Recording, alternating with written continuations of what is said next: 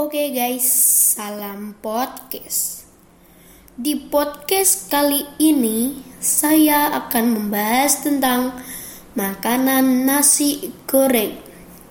Bagi kalian yang belum tahu asal-usul nasi goreng, jangan lupa dengerin podcast ini sampai habis.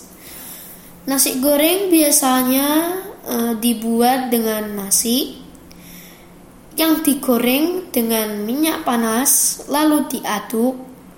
Biasanya dikasih bawang merah, bawang putih, dan lada. Bumbu-bumbunya biasanya dikasih ayam, telur, atau kerupuk.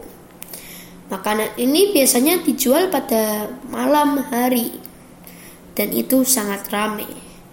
Oke, bagi kalian yang ingin mendengar lebih jauh podcast ini, jangan lupa ikuti.